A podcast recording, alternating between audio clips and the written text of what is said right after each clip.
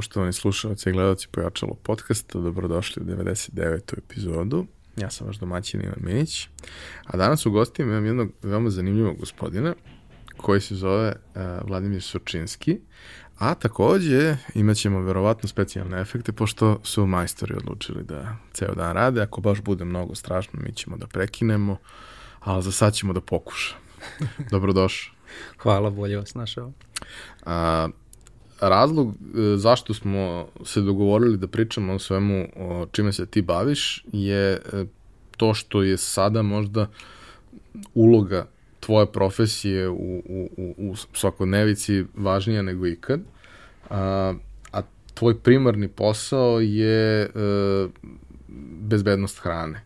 I ti se time baviš već jedan duži niz godina i vrlo si upućeni što se tiče, da kažemo, situacije na tržištu, ali pre svega što se tiče svih standarda koji postoje uh, i na nivou Evropske unije i na nivou Sjedinjenih država, kako se isti implementiraju, na koji način se to sve prati, koliko je to zapravo sve značajno, a vrlo često to gubimo iz vida kada razmišljamo o, o bilo čemu.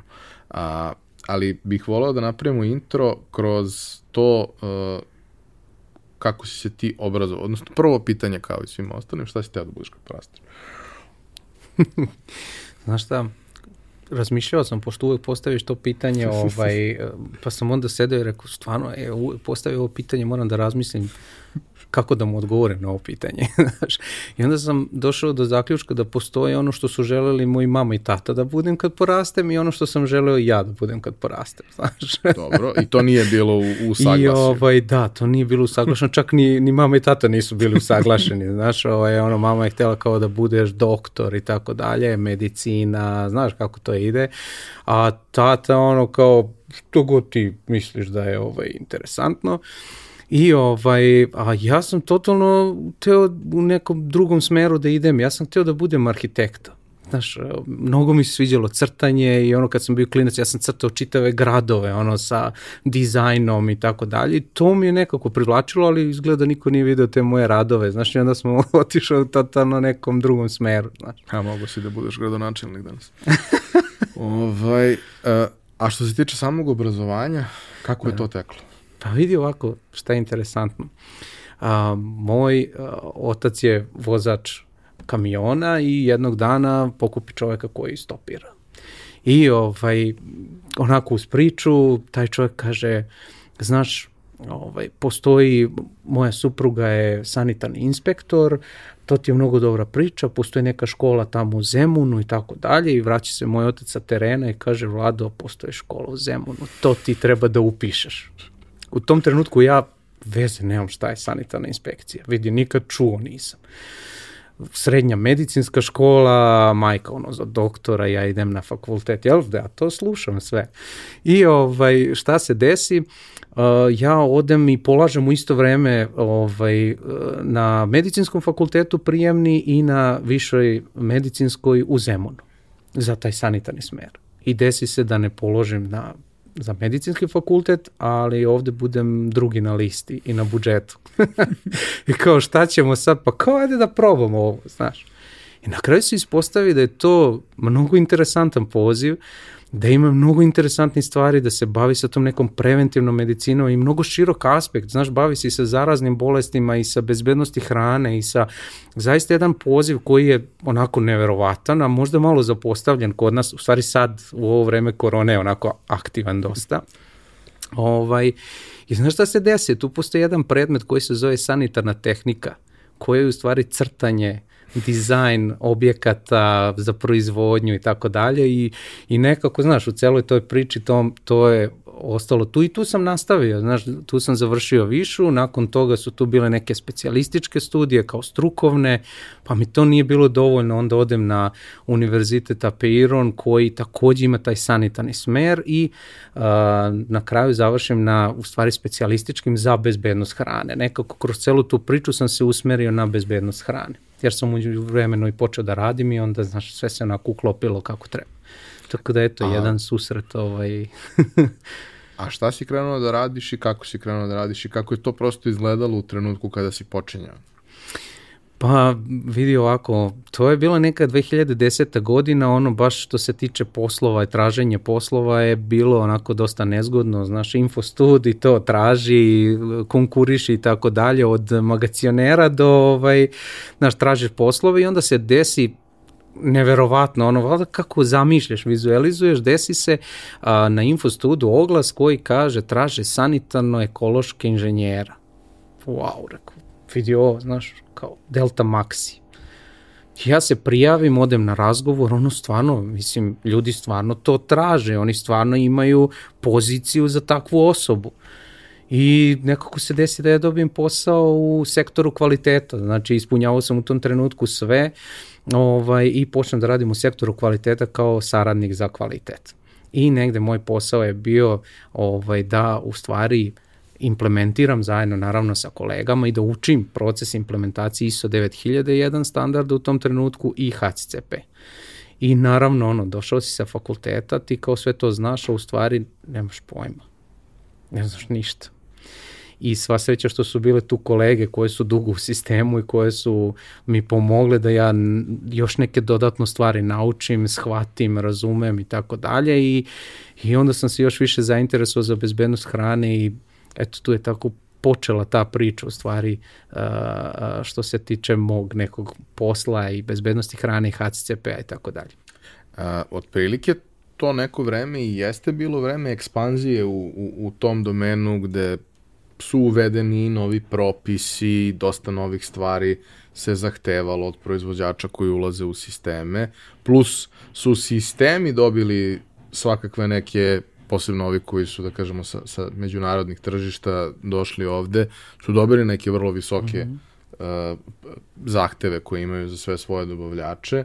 Uh, kako je to izgledalo? Jer verujem da nije jednostavno, iako većina tih stvari verovatno jesu logične, ono nije jednostavno nekome ko je proizvodio dugo po određenom sistemu sada da se menja i prilagođava novim, novim stvarima.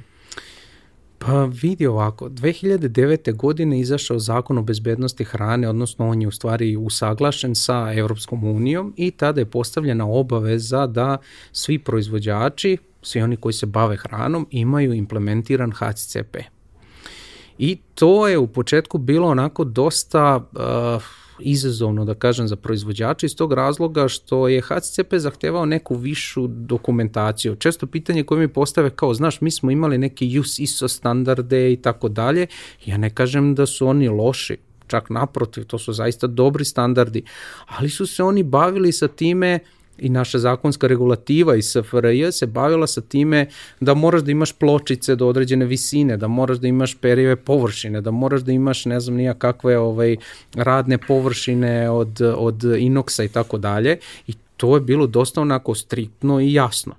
Onda je došao HCCP koji je rekao da, ti moraš da imaš sve to i to je u redu, niko to ne, ne zanemaruje, ali to je osnova.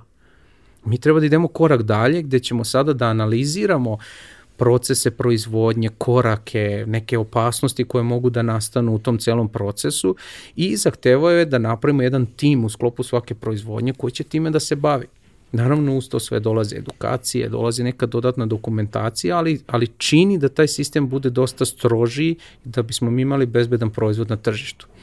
2009. godine je krenula implementacija toga, mogu da kažem slobodno da je Maxi bio uh, nije bio pionir, jer je bilo dosta tu nekih proizvođača još od 2002. godine koje su zbog zahteva tržišta implementirali HCCP.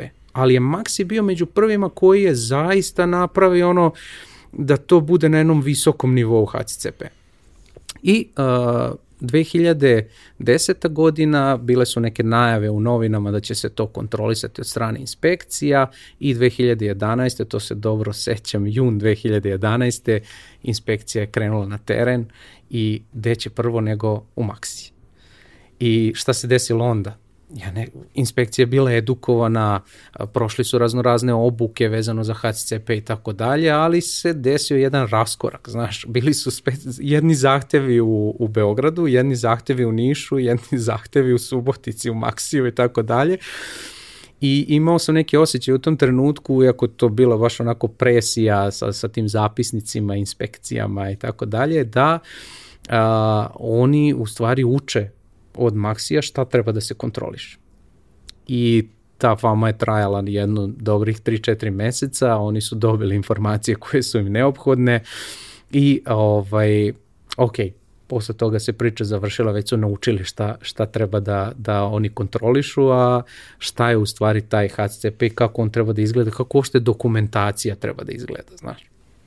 I ovaj, to je 2011. godina, a onda već kasnije uh, počinju da sazrevaju neki zahtevi za standardima koji su mnogo ozbiljniji.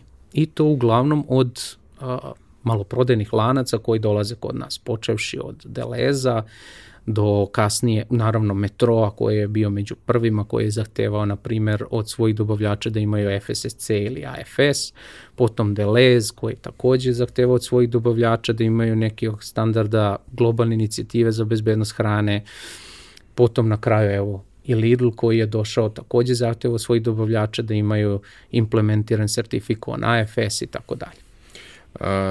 Bavit ćemo se i tim naprednijim standardima, ali ono što bih voleo, e, pošto mislim da je vrlo značajno, e, ljudi ne razumeju suštinski kako šta od toga funkcioniše i zašto je šta važno. Sad, ljudi koji su kućama i kupuju hranu, za njih to možda nije ni važno toliko, jer ako kupuju na proverenim mestima, ne bi trebalo da imaju problema, ali vrlo često ne ljudi koji razmišljaju da uđu u neku priču proizvodnje ili su već ušli, ovaj, ali se bave na nivou gazdinstva ili mhm. nečega mm -hmm. toga, takođe nisu svesni šta je to. Da li bi mogao kroz neke primere da praktično pojasniš šta je to što donosi HCCP, na primjer?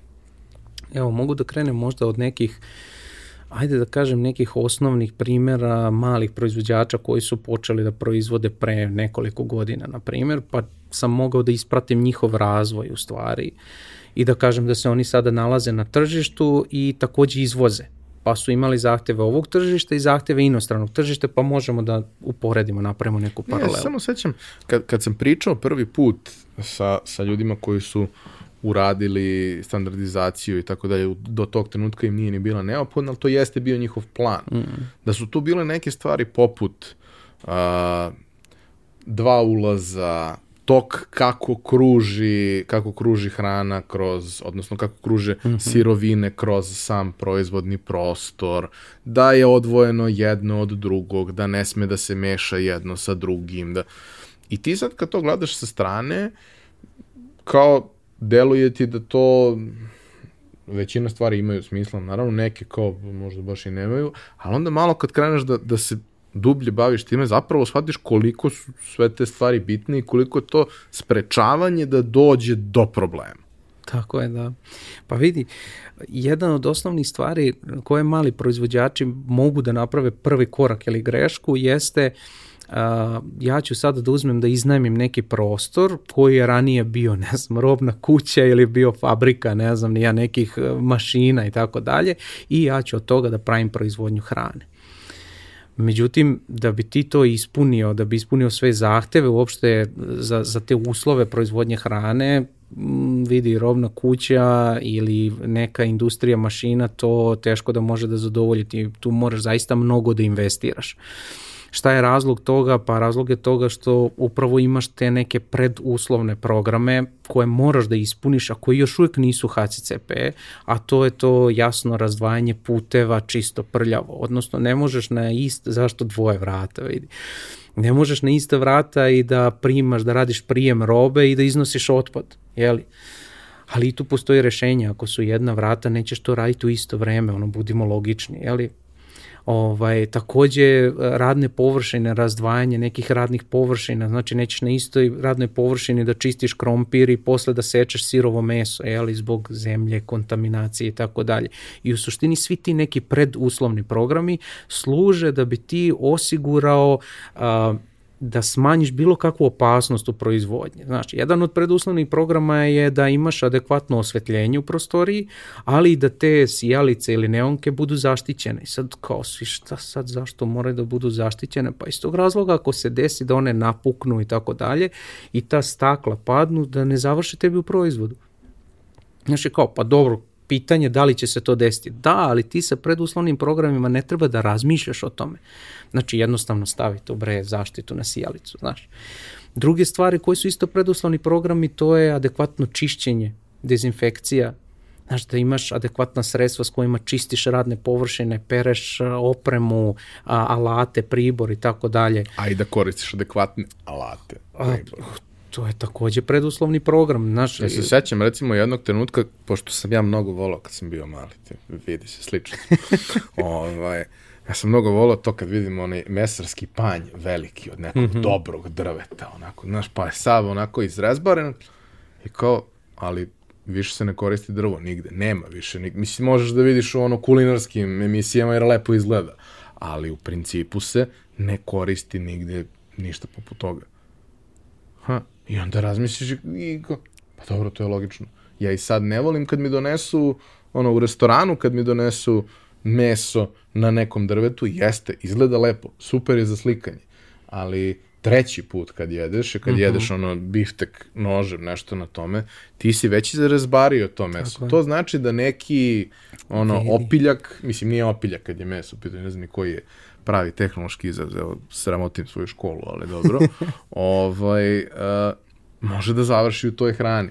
Verovatno neće biti ništa, ali čemu? Vidi, apsolutno si u pravu. Ali tu postoje jedna tematika kojom se mi, mi nekako uvek kada izađe neki novi zakon ili nešto, mi, mi se trudimo da to primenimo onako, vidi, a, najrigoroznije moguće, a šta je razlog? Da ljudi ne bi razmišljali mnogo. I onda kaže, ajde sada ubacimo sve PVC, panjeve, radne površine na kojima se seče i tako dalje. Ok, šta je bio problem sa drvetom? Pa problem nije bilo drvo, nego, nego vrsta drveta. Znaš, znači, ti imaš specifične vrste drveta koje se koriste za panjeve. To je neko tvrdo kuvano drvo koje ne upija mm. i tako dalje. Koje je čak u nekim slučajima otpornije od plastike na sečenje. A i lepše. Lepše. izgleda, da. Ali um, i recimo danas imaš pekarske industrije gde se opušteno koristi drvo kao drveni stolovi na kojima se razvija. Pa čak i ako odeš da vidiš neke videe gde se prave određeni maslaci, gde se prave određeni sirevi, na primjer, oni koristi dalje drvene površine. Ali opet krenimo od toga, znači ti moraš da izabereš zaista drvenu površinu koja jeste za takve uslove proizvodnje. I da bude tretirana na Tako adekvatan je. Znači način. Znači ona mora isto da se dezinfikuje, isto da se čisti, isto da se glača i da se menja, kao što radiš i sa PVC panjem. Znači ništa razlik, drugačije, znaš. A znaš što je najinteresantnije, što sada postoji istraživanja koje kažu da PVC panjevi su opasniji od drvenih. Zašto? Drvo je organsko i ako ga progutaš, znaš, opet je organskog porekla i ulazi organizam, a plastika, mm, znaš, ako Nemoj se da desi delić i tako dalje. Da mi Dovoljno sam paranoičan i ovako. A, pomenuo si i neke naprednije standarde koji su došli kasnije. A, šta oni podrazumevaju, odnosno a, koji su razlozi zašto su oni standardi na kojima se insistira? Da vidi, ne, znaš šta se desilo u jednom trenutku, rekao sam ti, znači 2009. HCCP, pa razvoj i tako dalje, iako je HCCP u, u Americi i nastao i krenuo kao neka osnova za proizvodnju. I šta se vremenom desilo? Desilo se vremenom da imaš različite uh, nazovimo sertifikacione šeme koje su uh, zahtevale uh, različite aspekte iz oblasti bezbednosti hrane. Pa je tako nastao BRC ili British Retail Consortium koji je u Engleskoj i koji je napravio svoju sertifikacijonu šemu i zahtevao od svih proizvođača hrane koje izvoze tamo na tržište da imaju taj BRC. Onda je nastao AFS koji je opet za nemačko tržište. Onda je nastao FSSC 22.000 koji je opet za neko drugo tržište. I šta se desilo za jednog proizvođača koji hoće da izvozi na sva tri tržišta? On mora da ima sva tri standarda, je li tako? To je bilo nenormalno skupo, a u suštini sva tri standarda su imala manje više slične zahteve. I onda je nastala globalna inicijativa za bezbednost hrane GFSI, GFSI. I ta globalna inicijativa je rekla, ok, sad ćemo mi da napravimo jednu standardizovanu šemu, tako da svi standardi koji žele da budu svetski standardi, globalni, oni treba da poštuju tu našu šemu. I u tu šemu su spali upravo ovi standardi koje sam nabrojao, BRC, AFS, FSSC 22000, neki SQF koji je za američko tržište i tako dalje. I suštinski cilj cele te GFSA je bio da ti kao proizvođač šta god da sertifikuješ od ovih standarda, priznat si svuda u svetu. I to je funkcionisalo do 2019. godine, manje više. A što ne funkcioniše više? Pa iz tog razloga što su i dalje se menjali zahteve, na primjer BRC je i dalje bio najstrožiji od svih i dalje su Englezi tražili da za njihovo tržište u suštini moraš da imaš BRC. Nemačko tržište i dalje zahteva taj AFS i tako dalje. Znaš. I uh, dosta retailera, evo pomenimo recimo Deleuze, on je rekao, odnosno Ahol Deleuze sada, on je rekao ja prihvatam bilo koji od ovih standarda GFSI. Znači ti kao proizvođač šta god da imaš od standarda BRC, AFS, FSSC, za njih je to u redu. Međutim, došao ti je Lidl na tržište koji je rekao mi prihvatamo samo AFS. Znaš, tako da neki proizvođač koji je imao možda FSSC, on sad mora da bira, znači da li će da pređe na AFS. Neće mu biti teško, to su slični zahtevi, ali kažem, znaš, opet menja se ta neka tržišna igra za sve te uh, standarde. Suština svega je šta god da imaš od ovih standarda, ti dalje imaš standard koji je zaista ozbiljen i zaista strog. Uh, ono što su ovi standardi doneli u celu priču jesu još neki dodatni zahtevi. Moramo da se osvrnemo na to da, da je HCCP osnov svakog od ovih standarda. Znači ti da bi imao bilo koji od ovih standarda, prvo moraš da imaš HCCP, a onda neke dodatne zahteve i onda imaš taj neki veliki standard. Jel? A šta podrazumevaju ti zahtevi, ne, na primjer? Recimo, dosta interesantni dodatni zahtjevi sada jeste upravljanje alergenima. Negde u prethodnoj priči i HCCP-a... Da, kod nas uopšte nema svest o tome, a napolju je to ono, u bilo kom, da. kažemo ozbiljnije grada, u bilo kom restoranu, u bilo kojoj prodavnici, jako se vodi računa mm. o tome mm. što jeste u redu, mm -hmm. zato što prosto alergije na, na hranu, posebno Vrlo opasne, ove neke koje je. su specifične na orašasto voće i slično, mm. to je bukvalno stvar od koje neko može da umre. Da se uguši i da umre u roku od par minuta ako nema kod sebe. Mislim, imam i, i, i prijatelje koji, mm -hmm. koji nažalost mm -hmm. imaju tu vrstu problema i ono nose sa sobom uvek ono, inekciju, neko rešenje koje za slučaj da do toga dođe. Imam i neki drugi primjere ljudi koji su alergični na hranu, ali mnogo vole, ali ovaj, da ne bi ljudima davali ideje, neću, neću pričati o tom, ispričat ću tebi posle čisto da, da vidiš dok to ide. Vidi, ovaj... Taj zahtev alergen management, odnosno upravljanje alergenima je zaista ozbiljan zahtev i na njemu možeš da dobiješ ono vrlo strogu ocenu, u stvari čak može da dođe do toga i da ti se ne izde sertifikat ako ti ne poštuješ pravila koje su vezane za alergen management. A šta je alergen management? Ništa komplikovano. Uh, jednostavno razdvajanje sirovine, koje sadrži različite alergene, razdvajanje opreme na kojoj e, proizvodiš sa različitim alergenima ili ako ne možeš da razvojiš opremu, da imaš neko međuprocesno pranje gde ti onda radiš neki recimo brzi bris i garantuješ da tu neće biti taj alergen, na primjer. Znaš, ja se sećam, uh, pošto opet ne, nije, nije mi struka, ali volim, Ove, ovaj, imali smo jednu divnu priču o uh, jednom malom biznisu koji se bavi e, bezglutenskom hranom, mm -hmm. ali mhm. ne sirovinom, nego pripremom mm -hmm. vrlo ukusne, ukusne hrane koju su, koju su pravili stvarno konzumirali smo, to je stvarno bilo, bilo fantastično.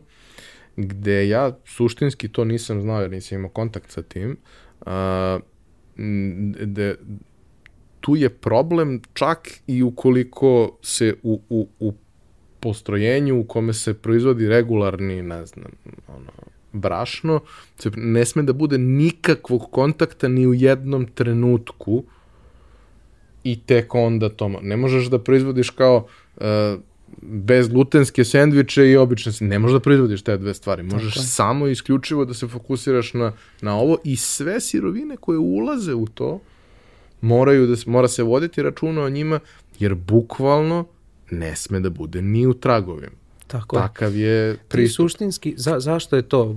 Prvenstveno i zbog celijakije o kojoj se ne priča mnogo, ali vrlo, vrlo ozbiljno oboljenje koje nastaje zbog e, netolerancije u stvari na, na gluten. ti ne znaš koja je količina, eto pomenuo se te orašaste plodove ili evo u ovom slučaju gluten, ti ne znaš koja je količina tog glutena koja može da izazove alergiju, ozbiljnu alergijsku reakciju, znači do toga da neko umre.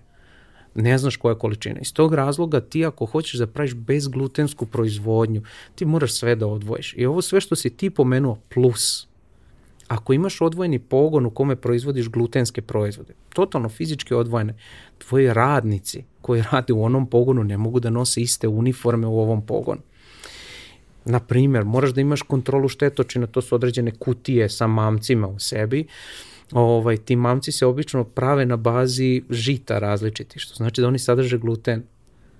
Znači ti ne smeš da imaš čak ni mamke uh, za štetočine koje sadrže, uh, koji, su, koji sadrže recimo gluten da li u proizvodnji kroz neke lepkove ili oko proizvodnje. Sa kao, pa koje su šanse da se desi, da ne, ne želi niko da razmišlja o šansama, ti to moraš da ispoštuješ.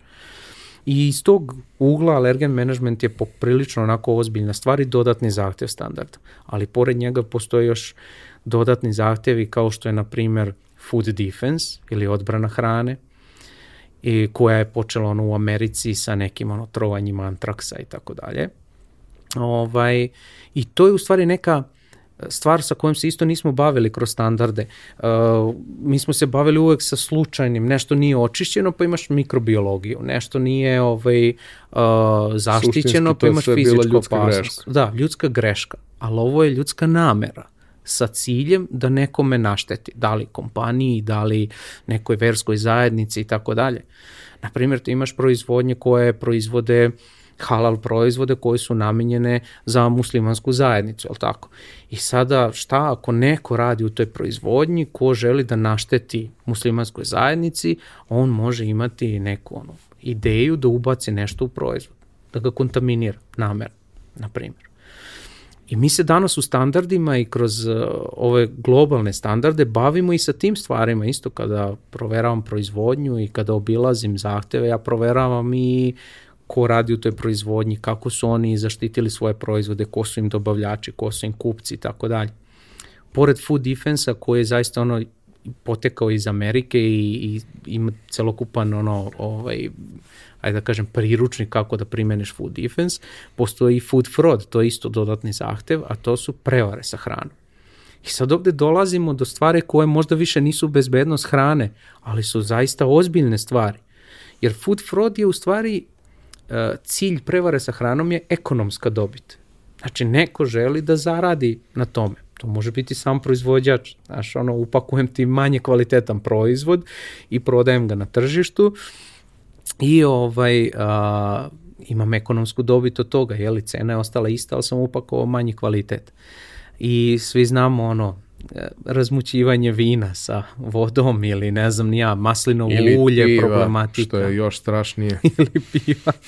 ne, ali mislim, šalimo se stalno na te teme, ali vrlo često postoji to da kada, ne znam, raščlaniš neki proizvod, postoji određeni set sirovina koje ulaze u taj proizvod koje su veoma skupe. Mm -hmm. I ti možda u startu i ne razmišljaš o tome da bi to radio, ali u nekom trenutku uh, ono pomeranje na tržištu, nabavka, ima sirovina kojima jako varira nabavna cena od sezone, od, od svega.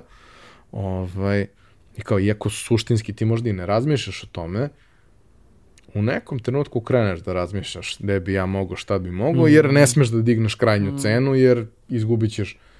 I onda gledaš koje su alternative, gledaš šta je, a to nije fair prema, prema korisniku, naravno. Gledaš da, ok, imaš tri vrste sirovine, uzmeš onu nižak kvaliteta, što kažu majstori, nema to kud, ovaj, a na kraju se ispostavi da zapravo paraš kupce. Tako Mislim, je. to je ono što, što stalno mi pričamo, mi što volimo kafan, uh, Ovaj, da kao kod nas, zašto kod nas, a u svetu nije tako, ali zašto kod nas restoran krene sa radom, pokida, mm, mm. razvali, svi se navuku i onda sredi neminovno sledi pad kvaliteta. Zato što u startu nije prioritet, mislim, našim ljudima nije prioritet u startu profit, a kasnije kad počnu da rastu troškovi, sve, sve, sve, mm -hmm. onda gleda svaku mogućnost i neće to niko da primeti, a primeti se. A primeti se. Čim Tako malo je. popustiš, Tako je. krene da se primećuje. odmah se primeti. I to su sve, Ivane, bezazlene stvari. Jer sa prevarama sa hranom mogu da nastanu vrlo ozbiljni problemi. Naprimjer, jedan od ono naj eto, jednostavnijih stvari prevare sa hranom jeste dodavanje a, etanola, na primjer, u vino ili nekih alkohola da bi povećao procenat alkohola u vinu i ti time dobiješ kao skuplje vino, jel, jer ima veći procenat alkohola. U stvari, to što si dodao može da oslepi ljude. Bilo je slučajeva. Bilo je slučaj. Znači, Doduše ne sa vinom, ali... znaš, dok ne počnemo ovu priču, na primjer i tokom obilaska industrija, dok ne počnemo ovu priču, dok ne startujemo, ovaj, naš ljudi ni, ni, i onda od jednom trenutku kao počnu da se prisećaju kao, aha, da, sećam se tog slučaja, da, da, sećam se tog slučaja i tako dalje. Je, Znaš- vrlo često, znaš, kad, kad razmišljamo o tome, postoje neke stvari koje uh, ekonomija velikih brojeva ti donosi, da prosto zašto neki proizvođač, odnosno neki prodavac može da prodaje nešto po ovoj ceni, a ja ne mogu da ga proizvedem za tri puta više, ima zašto. Zato što on naručuje količinu za 14 zemalja i to je neka suluda, sulud, suludi broj. Ali e, postoji neka granica ispod koje jednostavno ne može da se proizvede to. Tako I je. kada vidiš proizvod koji košta ispod toga, nešto nije okej. Nešto tu Možda nešto neko ima. ide sa dumpingom da bi očistio, da bi nešto napravio sebi, nekakav cash flow, nešto, ali kao, ako misliš da si pobedio i da si pametniji od, ozbiljno se zapitaj da li je to baš tako ili, ili zapravo ne konzumiraš ono što si, što si mislio da konzumiraš. To, to. Znaš, evo pričali smo odmah u startu, ti imaš e, danas, e, kada ideš u prodavnicu i kada kupuješ proizvod sa police, ti ne razmišljaš da li je on bezbedan. Znaš, ti daješ novac i očekuješ da kad to pojedeš da se ne utruješ, jeli? da ne zaglaveš dva dana u toaletu. Ovaj, ali a, priča sa kvalitetom je opet drugačije. Znaš, ljudi dolaze, danas su sve više ljudi svesni šta se nalazi na etiketi proizvoda, na, na deklaraciji i ono dolaze, gledaju sastav i tako dalje, ali i tu može čak da se desi da tebi kvalitet mm, odstupa manje, više i tako dalje, ljudi kažu ok, znaš, nastave da kupuju proizvod, ali ako ti se jednom desi slučaj i problem sa bezbednosti hrane, to je to, može da se desi da nisi više na polici, znaš. To je velika mislim, problematika. Postoje, postoje prosto proizvodi koji po prirodi stvari variraju, jer ono, živa stvar, pa, pa mm -hmm. varira. Nije prerađevina koju možeš da u procesu koriguješ da bi na kraju izašao na, na neku specifikaciju. I to je negde prosto i, i, i očekivano i u redu. Ne može svaka jabuka da bude iste veličine i ne može svake godine svaka jabuka da bude iste veličine. Možeš ti da kažeš ono što je ispod ove veličine mi nećemo imati u lancu, Tako, ali prosto da, da. ne znaš ovaj, na, na nivou pojedinačnog artikla da li će sve baš uvek da bude isto i tokom cele sezone, da, to je nemoguće, mislim, prosto. Ali za, za dosta nekih stvari uh, postoji taj uh, vrlo izražen problem uh, gde kao uh, postoji velika razlika između, to je ono što ljudi, ne znam, i, kada su u pitanju suplementi u ishrani, ono što se mm -hmm. prodaju u apotekama nisu lekovi, mm -hmm. pošto ljudi misle da sve što se prodaje u apotekama to su lekovi. Nisu sve lekovi, većina zapravo nisu lekovi. Ovaj, imaš, ne znam, ono, pečat nečiji koji kaže da je to, da to, nije on rekao da je to dobro, on je rekao da to nije štetno, a prvo Tako. možda je placebo, drugo sve ostalo. Tako isto i sa hranom. Ti imaš standardizaciju koja pokriva to da je to ne znam, bakteriološki ispravno, Tako da je, je to, da, da od toga nećeš da se otruješ. To ne znači od toga nećeš da dobiješ diabetes ako to konzumiraš. Tako je.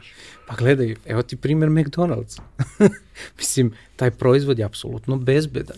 Mislim, teško da ćeš čuti da se neko otrovao od McDonald'sa. Znaš, kad ga je kupio, konzumirao odmah bilo gde u svetu, teško. Kažu Možda da nakon par se... meseci ne može da se desi ništa, ne ali ajde da ne ulazimo sad u to. može da se desi možda ono kao neka, neka fizička kontaminacija, neki deo da su našli ili tako nešto, ali i to je čak redko. Oni zaista imaju jedan strog, strog, strog sistem bezbednosti hrane ali to ne znači stvarno ako svaki dan konzumiraš ovaj naš mek da da nećeš dobiti dijabetes ili neke druge stvari znaš mislim pitanje je da li to tako nešto može da se desi Ono što je recimo I to nije bilo... samo za Mac, izvini, to je za nije, bilo naravno. koji proizvod, znaš, bilo koji proizvod koji se konzumira, u, ko, koji ti stalno unosiš u organizam, ok, imaš savršenu pršutu i to, znaš, ona je bezbedna, ali svaki dan imaš pritisak, imaš ne znam, kardiovaskularne bolesti i tako dalje. Znaš.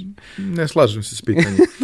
ovaj, ali e, šta mi je recimo tu bilo fascinantno, e, čini mi se da to dolazi i kod nas, to sam viđao uglavnom napolju, mada i tamo te stvari nisu baš uvek uh mhm. -huh. najjasnije, a to je da recimo a, definisanje ono proizvoda po grupama, postoje neke sigurno zvanične klasifikacije i mhm. tako dalje, kao sećam se, to mi je bilo najinteresantnije, ti ćeš to sigurno da ti bolje da objasniš od mene, ali taj moment kao koja je razlika između uh, voćnog soka, nektara, mm -hmm. napitka, gde kao ne može da se zove ako nije to. I to mi je recimo vrlo, vrlo banalna podela koja mi je super.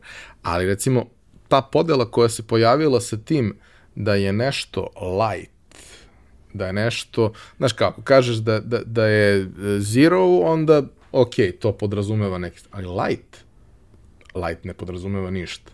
Da. Light znači da ima manje nego standardni, može da ima 5% manje. Znači nema nikakve razlike u suštini. Tako a ti, je. pošto, pošto je light, ti ćeš da pojedeš više, naravno, zato što kao, a, što vidi, ne.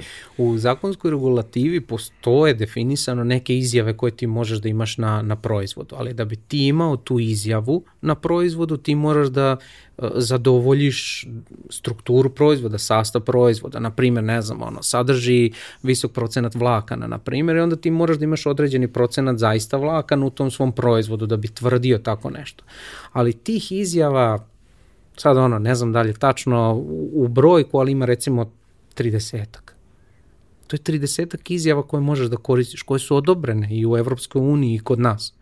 Sve ostalo, ovaj proizvod radi ovo, ovaj proizvod radi ono, pff, to je već problematika, znaš. E sa šta ljudi rade? Pa evo, mislim, krenimo od e, nekih slučajeva, ne znam, kiselih voda, znaš. Uh, i kao ovaj proizvod je namenjen za vaše srce. I ljudi ono kao, aha, to je dobro za moje srce, znači da pijem to. I pije, pije, pije i tako dalje. I onda izađe zakonska regulativa koja kaže ne možeš ti to da tvrdiš, jesi ti ispitao taj proizvod, jesi ti ovo, ali taj proizvod sadrži određeni element koji je dobar za srce. I onda marketinški promeniš i napišeš ovaj voda sadrži taj element koji je dobar za vaše srce. Ali priča je dalje ostala, taj proizvod je izašao na tržište, prodavao se određeno vreme i on je uzeo određeni, određeni deo I posle tržišta. toga, ako se ne menja izgled te ambalaže, niko ne čita šta stoji kao sadržaj. Apsolutno. I takva situacija je bila i za hlebove razne, takva situacija je za mnogo, mnogo proizvode. Znači, ljudi iskoriste to. Ja ne kažem da ne treba proizvod da se bori na tržištu marketinški, ali nemojmo dovoditi potrošača u zabludu na bilo koji način. Ti danas imaš gomilu oznaka na proizvodima. Počnemo od oznake posna.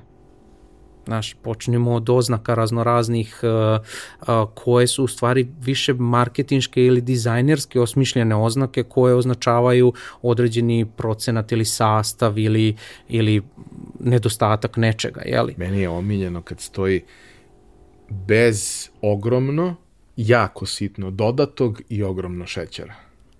I kao, pa ne, ovo je bez šećera. Ne, ne, ne, ne, ne, ne, ne.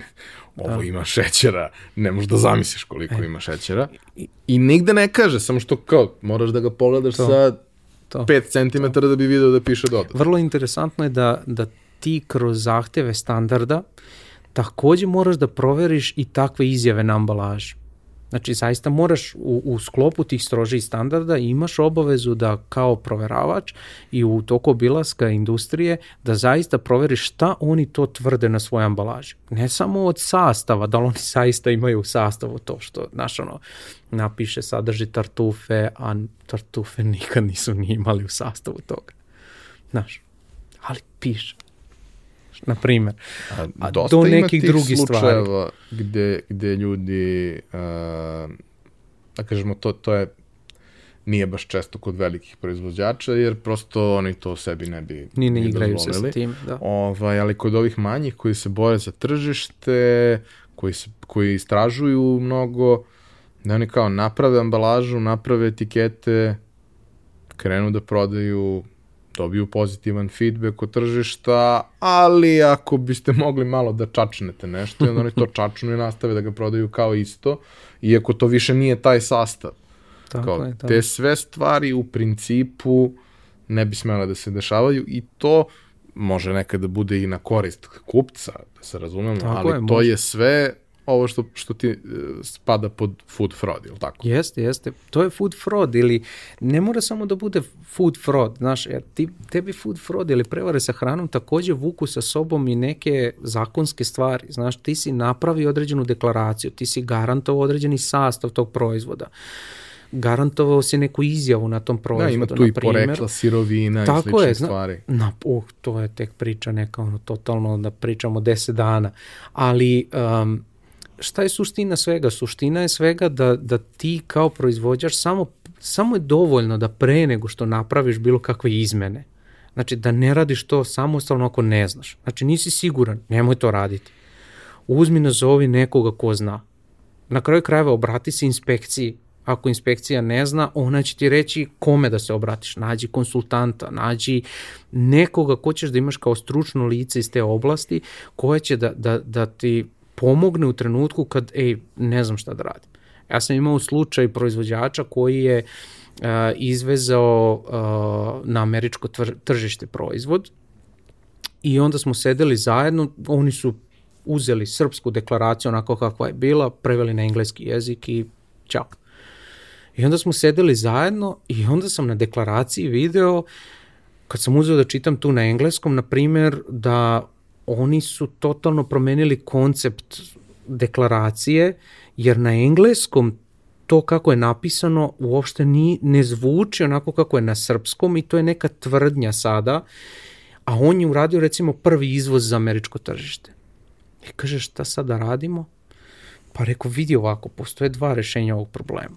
Mislim ovo sad možda nije, a mora, ovo je realnost, znaš. Jedno rešenje je da ćutiš, pa sa sledećom isporukom to da ispraviš. Zato Ili što da moliš se- Boga da neće niko da primeti. Što teško da To je rešenje, znaš. Ovaj, a drugo rešenje je sad odmah da javiš da nešto ne valja, da pazi, nije to strašno, niko se neće otrovati, ali je zabluda potrošača, ti si rekao da to ima tu, a nema ga, znaš. I ovaj, rekao, pa vidi šta ćeš da uradiš, znaš. I onda su oni, pa kao, jel postoji neko prelazno rešenje? Postoji, rekao. Nije najsjajnije, ali prelazno rešenje je da javiš tamo distributeru šta je problem, oni zaustave prodaju, vi odštampate malu deklaraciju na engleskom jeziku ispravnu i prestikerišete to. Ali za takvu aktivnost ti moraš da obavestiš neku tamo inspekciju, da oni znaju da je to urađeno, znaš. I neko to mora da ode da uradi. Jeste, što su ti dodatni troškovi. Znaš, moraš da zaustaviš proizvod na police, moraš da ga povučeš sa police. Onda moraš da angažuješ ljude koji će da odu i da to prestikerišu. Pa će ponovo da ga vratiš na policu. Znaš, i onda i dalje imaš rizik da kad ljudi kupe proizvod kao, a šta piše ispod ovoga? Znaš, i onda odlepiš i onda vidiš ispod kao čoveče. Znaš, pa ovo nije to, šta se to dešava, imaš problem. Znači, moraš stvarno da praviš dobre kalkulacije i vidiš, ceo ovaj proces, ceo ovaj trošak, nerviranje svega je moglo da bude rešeno tako što pre nego što si uradio deklaraciju mogao si da nazoveš nekoga ko se time bavi i da kažeš, ej prijatelju, ja pravim, treba da radim izvoz za američko tržište, da li možeš da mi uskladiš deklaraciju? Ja kažem mogu, koliko to košta? Košta 100 eura po uh, artiklu. Kraj. Što je dosta manje nego da neko ide da prelepljuje etikete. A, kako izgleda sada već imaš bogato iskustvo desetogodišnje u svemu tome i ono što je lepo, mislim, koga od, od slušalaca ovo bude posebno interesovalo, imaš i YouTube, imaš i sajt, pišeš, aktivan si, snimaš Tako neke je. korisne informacije i verujem da ćeš, da ćeš još toga dosta snimati. Uh, ali voleo bih, ako možeš, da, da nam daš par nekih lepih, zanimljivih, pozitivnih primjera. Ne samo, dakle, podrazumeva se da, da primjeri o kojima ćeš pričati poštuju sve ovo, mm -hmm. nego ljudi koji su uspeli da uh, urade više nego što je očekivano, a zbog toga i tržište to prepoznaje. Zašto, zašto to kažem? Zato što uh, mi smo se čuli vezano za gostovanje, mm -hmm. ja sam znao, da kažemo, neku tvoju predistoriju i neke osnovne stvari i to mi se učinilo kao jako zanimljivo, posebno u ovom trenutku, kada je mnogo pokrenuto priča na temu uh, nabavke od malih proizvođača, nabavke sa sela i tako dalje i u suštini to je lepo. Nosi se s ovom određene rizike o kojima verovatno mnogo ljudi ne razmišlja, njima ćemo se isto baviti, ali e, tek kada smo krenuli da pričamo, shvatili smo da zapravo znamo dosta istih ljudi, Tako. a ti ljudi poput Mine Tako. iz Kosmajske, a, koja je bila pre, da kažemo, 7-8 epizoda, ovaj, ti ljudi su nešto najbolje što ova zemlja ima. Njihovi proizvodi su nešto što je potpuno vanserijsko, I oni su, kao što je i ona pričala u svojoj epizodi, dokaz da može. Definitivno može. E, šta, uh, pominjao si mi još neke zanimljive primere, ovde smo sad ishvalili Mijanu, poslušajte njenu epizodu, ovaj, ali pominjao si mi još neke zanimljive primere, vrlo zanimljive uh, kejsove, vrlo zanimljive mm. studije slučajeva gde kao nešto što, ja znam recimo u drugim industrijama, ne toliko u ovoj, ljudi kao, ma nema, mi nemamo industriju nameštaja, mi nemamo da, kao, ljudi, ima u Srbiji fabrika koja izvozi 60% svih ono stolica koje se prodaju u Nemačkoj u industriji, ne znam, ovaj obrazovanja i tako da u industriji obrazovanja, u, u, u kažemo obrazovnim institucijama i tako dalje, ne znam, imaš gomilu tako nekih primjera koji niko ne zna jer oni ne prodaju da, ovde da. i ne, ne upadaju nikome u oči, a ti znaš recimo takve primjere i, i iz ovoga. Pa čisto eto, ono, pohvali neke učenike, ovaj, e, pohvali e, vidi, neke ljude sa kojima ali, radiš. Ali moram se svrnuti i na manje, a i na velike. Vidi, zato što Slažem mi često ovaj, e, kažemo, znaš, on je velik, e, pitanje šta on tamo radi i tako dalje. A ti si no, meni ishvalio ovaj... sve one koje ja volim da konzumiram, tako da je meni to super. Ja sam sad safe. Vidi ovako, s obzirom da, da sam ja ranije bio kod tih proizvođača, sada ih obilazim bukvalno na godišnjem nivou, ono zbog tih nekih sertifikacija i tako dalje, da je obaveza jednom godišnje da se dođe da se proveri da li oni ispunjavaju i dalje te zahteve, da li mogu da zadrže taj sertifikat. Mislim, definitivno na prvom mestu, ja moram Minu pomenuti.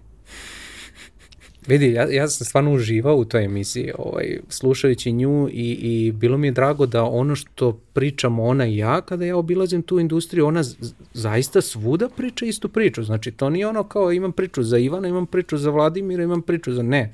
Znači, to je zaista ta priča. A, ono što, što je ona uspela, naravno, uz pomoć tetke, direktorke proizvodnje spomenke koja to drži ono to, to je nauka ljudi moji nauka. Prave ko za sebe. Šta je pomenula Mina ono što što mi se dopalo? Ona kaže mi uvozimo meso zbog kvaliteta određenog i tako dalje ali Mina nije zbog tematike emisije ulazila u detalje toga ali ja to moram da pomenem. Vidi Ako tebi kaže sada spomenka da ona uvozi meso iz Španije od svinje posebne zbog njene ishrane i tako dalje, pa ta a, panceta, vidi meni voda krenula, pa ta panceta da bi bila ovakva kakva je danas i kako izgleda u njihovoj ambalaži, kada stigne, spomenka uzme lajnjir i izmeri je. I kaže, to je toliko centimetara I ona mora da bude toliko centimetara. I ako nije toliko centimetara, on uzme i vrati je nazad u Evropsku uniju. Kaže, niste mi poslali toliko. znači, vidi, to je nivo koji ovde, mm, znaš, ozbiljan, ozbiljan kvalitet, ozbiljan. A da ne pričam uopšte, evo, ti si pomenuo isto u emisiji, morali smo da se obučemo i sve to. Tamo je bezbednost hrane uvek na vrhunskom nivou, znači nebitno ko dolazi, svako mora da obuče mantil, da se zaštiti, da opere ruke, dezinfikuje, da uđe u proizvodnju znaš, proizvodnja koja je uvek čista, dezinfikovana, koja a, i na kraju krajeva ta bezbednost hrane se ogleda u stvari i kroz neki broj reklamacija, znaš, oni nisu imali u poslednjih, ja mislim, sigurno sedam godina koliko ih ja obilazim i pa ni jednu reklamaciju vezano na bezbednost hrane. Znaš, može da se desi devakum ambalaže, može da se, ne znam, nija. Znaš, A može se desi fizičko oštećenje, ali bezbednost, bezbednost, to nema veze znaš, to je već totalno drugi nivo. Tako da, spomen kako je to tamo drži sve pod kontrolom i tako da to je, mislim, zaista, znaš, neki vrhunski nivo. Druga stvar, Evo, na primjer, veliki proizvođači, neko ko je bio u početku onako, e, dosta imamo mi da dođu firme iz inostranstva pa kupe ovde neke dotrajale fabrike i onda ono, naš, ulažu u njih i tako dalje. To Ili je, ne ulažu. Ili ne ulažu, da, ali ajde da pričamo o nekim primjerima koji su svetli, na primjer, evo, Megle mlekara. Uh, znači, to je bila mlekara mladost, ako, ako, je to, ako se dobro sećam. I kada su, kada je Megle preuzelo to, to je u početku bilo, znaš, to trajali podovi, voda na podovima i tako dalje i dalje su imali oni bezbedan proizvod, ali je, znaš, rizik je bio mnogo veći. I onda vremenom tu se malo promenila i ekipa i došla je jedna mnogo ozbiljna ekipa. I sada ćeš vidjeti da sve u stvari, cela bezbednost hrane zavisi od uh, onoga ko je na čelu kompanije. Znaš, kao što je Mina na čelu svoje, svoje firme, koja kaže to mora tako, tako i na čelu Meglea se nalazi Aleksandar koji, a, koji kaže to mora tako. Znaš, i taj nivo bezbednosti hrane je podignut u roku od pet godina na, na vrhunski, da su oni najbolji u Megle grupi, na primjer. Znaš, ali nije samo Aleksandar, naravno da bi Aleksandar to uradio, on mora da ima tim ljudi Da, koji da, se ali brinu. ako ti kao Znači- glava kompanije se odnosiš Tako ležerno je. prema tome, Tako ne je. postoji način da Tako to bude je, dobro. apsolutno. Znači, ako ti kao glava kompanije uđeš u proizvodnju i nećeš da nosiš mantil, rukavice i tako dalje, šta će da ti kažu radnici u proizvodnji? Pa neću ni ja da nosim, jeli? Znaš, ali ako ti ulaziš, pereš ruke, poštuješ sve i radnici to vide, kaže stani, ako može taj Aleksandar, onda mogu i ja, jeli? Normalno, ti možeš da imaš ljude, tu ekipu, ne znam, Jelena koja je direktorka kvaliteta, Milora direktor proizvodnje i tako dalje, koji su ljudi stvarno taj nivo znanja, organizacije proizvodnje, eh, bezbednosti hrane je vrhunski. Ono, ja, ja sam njima predlagao tipa da, da, da se konektuju sa fakultetima i da studenti dolaze da vide kako to treba da izgleda, znaš. Normalno, naš omiljeni brand plazmica, vidi. Mm, Uh, u plazmi smo skoro radili procenu odbrane hrane, food defensa i food froda. To što ti ljudi rade tamo, ja ne znam da li to u svetu ljudi rade. na braniku otačbine. Tako Neće valjda u najsvetije. Gledajte, znači, ajde ok, kamere koje drže sve pod kontrolom, da slučajno ne desi neka namerna kontaminacija, ali ljudi, kada tebi dolazi brašno u cisternama, industrijsko brašno dolazi u cisternama i te cisterne na sebi sve imaju ovako plombe plastične, pa ti očitavaš te brojeve, pa da mislim, to je na nekom totalnom univerzumu. Oni imaju gomilu proizvoda, odnosno sirovina koje ulaze u njihov finalni proizvod, koje su vrlo skupe i sa kojima mogu da se prave prevare na tržištu. Šta oni rade? Oni su identifikovali sve te sirovine koje su skupe i rekli su tim dobavljačima, nebitno da su to dobavljači iz EU ili odakle, oni su im rekli, ok, samo da znate, u ugovoru postoji član koji kaže mi ćemo svake godine da uzmemo vaš proizvod nenajavljeno naravno i da pošaljemo taj proizvod u laboratoriju na test autentičnosti. Šta je test autentičnosti? Tebi stiže maslac koji treba da je ono kravlji maslac sa određenim procentom masti i tako dalje ali se desi da neko uzme i izmeša malo neki biljnih tu ovaj, mm. masti da bi povećao količinu i to je ta prevara sa hranom, onda oni kažu ok, ali mi taj maslac šaljemo u laboratoriju neku tamo u Nemačkoj ili u Budimpešti da i tako dalje, da, pošto mi to nemamo. Mislim, mi imamo, ali tu sad da ne ulazimo u dubiozu. I onda ta laboratorija iz uh, Nemačke pošalje analizu koja kaže a, određeni hemijski parametri i dole kaže po svim ovim hemijskim parametrima da, to jeste maslac, da, to je ta, taj procenat. Znaš. Tako da, i to je samo segment jedan, a da ne pričamo tamo ta ekipa koja stvarno vodi računa o svemu, od, od direktora proizvodnje do, do ljudi iz kvaliteta, to je, mislim, neverovatna stvar. Mislim, zaista užitak jedan da ideš kroz ono, kroz takvog giganta i da gledaš kako to funkcioniš. Naprimjer, jedna ozbiljna stvar o kojoj niko ne priča. A, plazma mlevena. Znaš kako svi misle da, da mlevena plazma, a, ono, to je neki otpad koji tamo ostaje na kraju linije, pa onda oni to samelju. Ne. Mlevena plazma se pravi od sveže ispečene plazme koja ide na drugu liniju, samelje se i odmah se pakuje. A zašto? Zato što mlevenu plazmu jedu deca. Znači, to je rizičnija grupa. Neće niko bre da rizikuje da tamo, ne znam, ne. Vidiš, to je koncept jedne proizvodnje, jedne ozbiljnosti bezbednosti hrane koje mali proizvođači moraju odmah u startu da shvate. Znaš, odmah u startu da kaže, vidi, ja ne želim da rizikujem da mi se desi bilo šta s proizvodom. Znaš.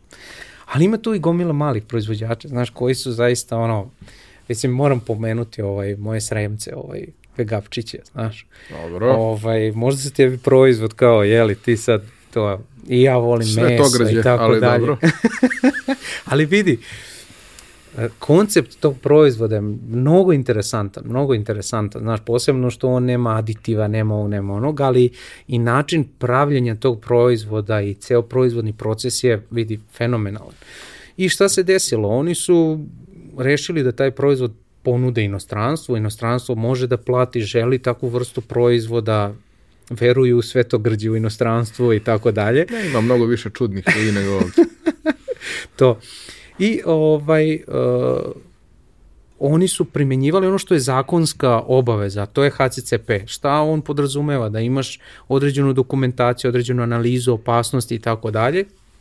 I ok, oni su kao super, to je to, mi radimo, proizvodimo proizvod, stavljamo ga na tržište i onda su uh, rešili da odu na ozbiljne sastanke gde su im rekli, ok, ti da bi ušao na sastanke ono i B2B i ne znam nija, ovaj, moraš da, ne možeš ti samo da imaš proizvodnju, znaš, i proizvod, i dizajn ambalaže. Ti moraš da imaš i neki, neki standard koji garantuje da je tvoj proizvod bezbedan u najmanju ruku garantuje da ti primenjuješ određene zahteve koji će učiniti tvoj proizvod bezbednim.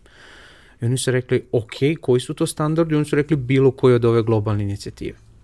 Mi smo se tu znali i počeli smo priču i oni su se odlučili da sertifikuju taj FSSC 22000 I nije to bio lak put, znaš. A kad kažeš standard, mislim, da. koliko se sećam i, i iz drugih priča vezano za um, hotelijersku industriju i tako mm -hmm. dalje, to u suštini podrazumeva da ti dobiješ spisak zahteva koje treba da ispuniš u okviru toga.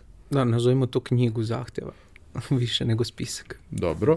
I da suštinski to podrazumeva da te stvari prođeš. Vrlo često su to neke stvari koje su banalne i koje možda tako ti je. već radiš, tako ali je, prosto ovde prolaziš da ti to postaje standard koji ćeš nadalje tako poštovati, je. a ne dobra volja i izuzetak i šta već. Vidi, ljudi često razmišljaju kad kao ja radim, to verovatno su tako i vegapčići ušli u tu priču kao da mi to završimo i da mi imamo sertifikat, ali to je kod njih trajalo više od godinu dana, znaš. Dobro. Jer uh, onog trenutka kada sam ja došao u tu proizvodnju uh, da vidimo kako to izgleda i tako dalje, ok, ono, infrastrukturno dobro, uh, oprema nije najsjajnija, uh, dokumentacija, nešto se vodi, nešto se ne vodi i tako dalje. Za HCCP super, znaš, ali za FSSC ima još mnogo posla.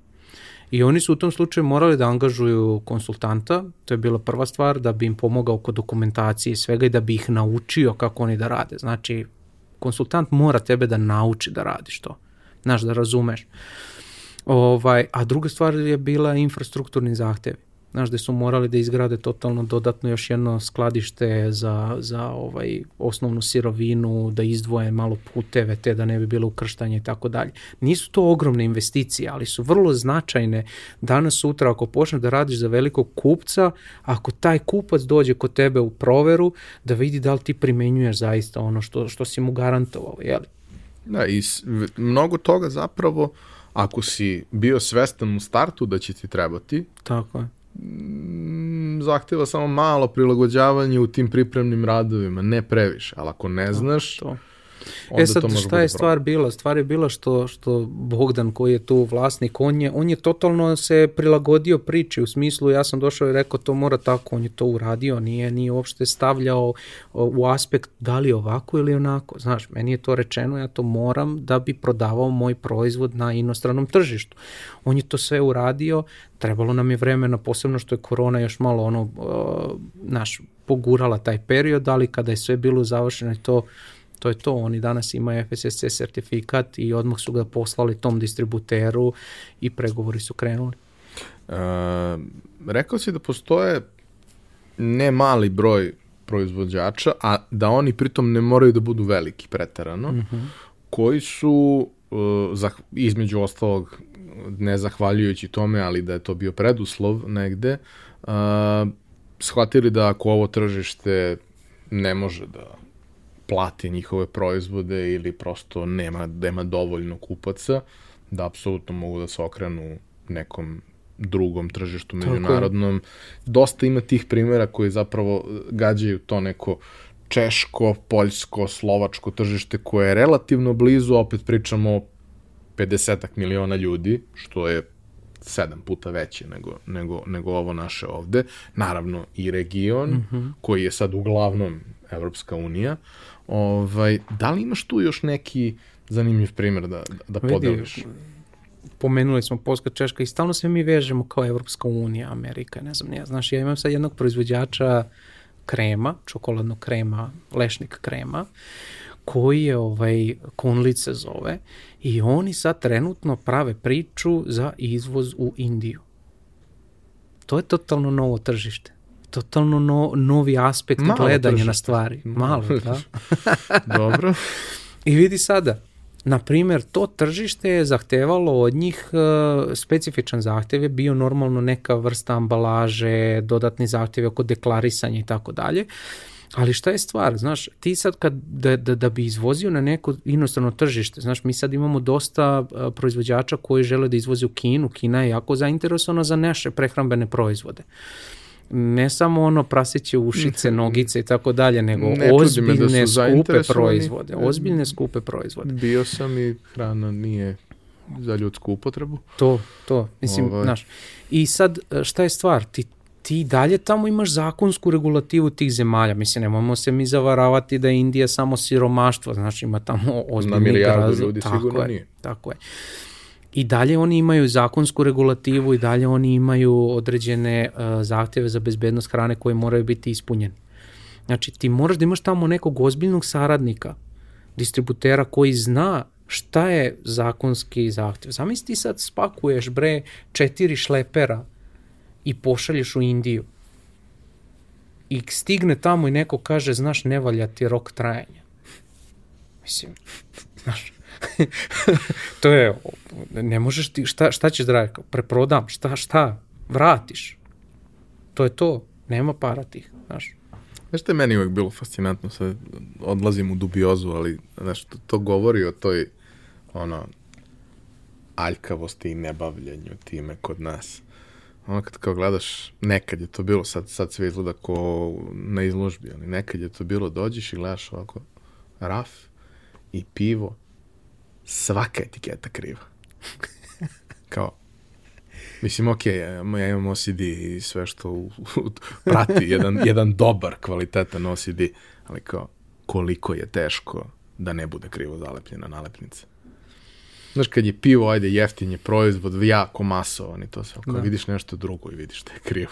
vidiš, ne znam, ono, ajvar od 800 dinara kao nalepnica je kriva. Nije kriva zato što je neko hteo da bude kriva, znaš, kao, kao Johnny Walker. Ne, kao kriva je zato što ga neko lepi ručno i nije razmišljao o tome i Je, vidi, Prosto- ovaj, pošto izgleda da razumemo se i što se tiče piva, ovaj, ali ajde da gledamo to iz aspekta bezbednosti hrane. Znaš, ono pre ovaj, u flaši staklenoj kad vidiš opušak ili ovaj ostane u pivu a, a, čep onako savijen neko ubacio pa to znaš kad je otišao tamo u proizvodnju nije moglo da izađe pa ostalo u flaši oni natočili ovaj pivo Znači, to su sve aspekti bezbednosti hrane. Znaš da se to danas skoro ne dešava uopšte nikad.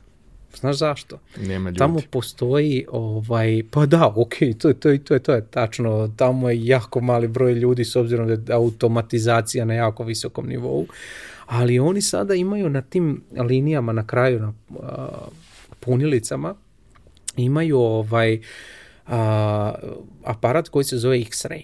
Ja, Taj aparat, foto da, koji u stvari uh, proverava svaku flašu koja prođe, znači svaku limenku, svaku flašu i detektuje da li unutra ima nekih primesa, znaš. Ukoliko ima, on odmah na liniji odbaci tu flašu. I samim tim oni su sprečili da tako nešto dođe ka, ka kupcu, znaš. Ali recimo, evo sad taj X-ray me vodi ovaj, do, pomenuli smo tržište Indije, ali recimo mi imamo jednog, jednog proizvođača, odnosno jednu uh, hladnjaču za naš proizvod maline. Sikoberi se zove, nalazi se u Kraljevu i uh, oni izvoze na tržište Japana Dobro. Bio. prvoklasnu malinu, prvoklasnu malinu. Tamo ima hrane. Da se Da. razumemo, bio sam, ima tamo I šta hrane. je interesantno recimo? Uh, oni su, njima dolazi svake godine uh, provera iz Japana koji proveravaju njihovu proizvodnju. Oni primenjuju takođe taj FSSC 22000 i Japanci su rekli da je to jedno od najboljih proizvodnja koji su oni ikada videli. Hm? Znaš koji je to nivo kontrole? Koji je to nivo edukacije ljudi naših? Koji je to nivo OCD-a? Veoma veliki, posebno kod tehnologa koji je u kontroli u proizvodnji. taj, taj tehnolog Milan i, njihov, njihov eksterni konsultant Slobodan, znači oni vode računa ljudi o, o bukvalno svakom aspektu. Pazite, to je malina, stiže sveža, ona se zamrzne i posle ide na određene kalibratore i tako dalje. Ona prvoklasna malina, prvoklasna, ide u Japan. I znate zašto Japanci koriste? Za sladoled za proizvodnju sladoleda.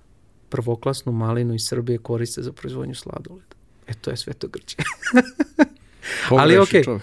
Ali gledaj, šta je još interesantno, nešto o čemu mi ne pričamo, ta ista malina se služi u Parizu u najskupljim restoranima.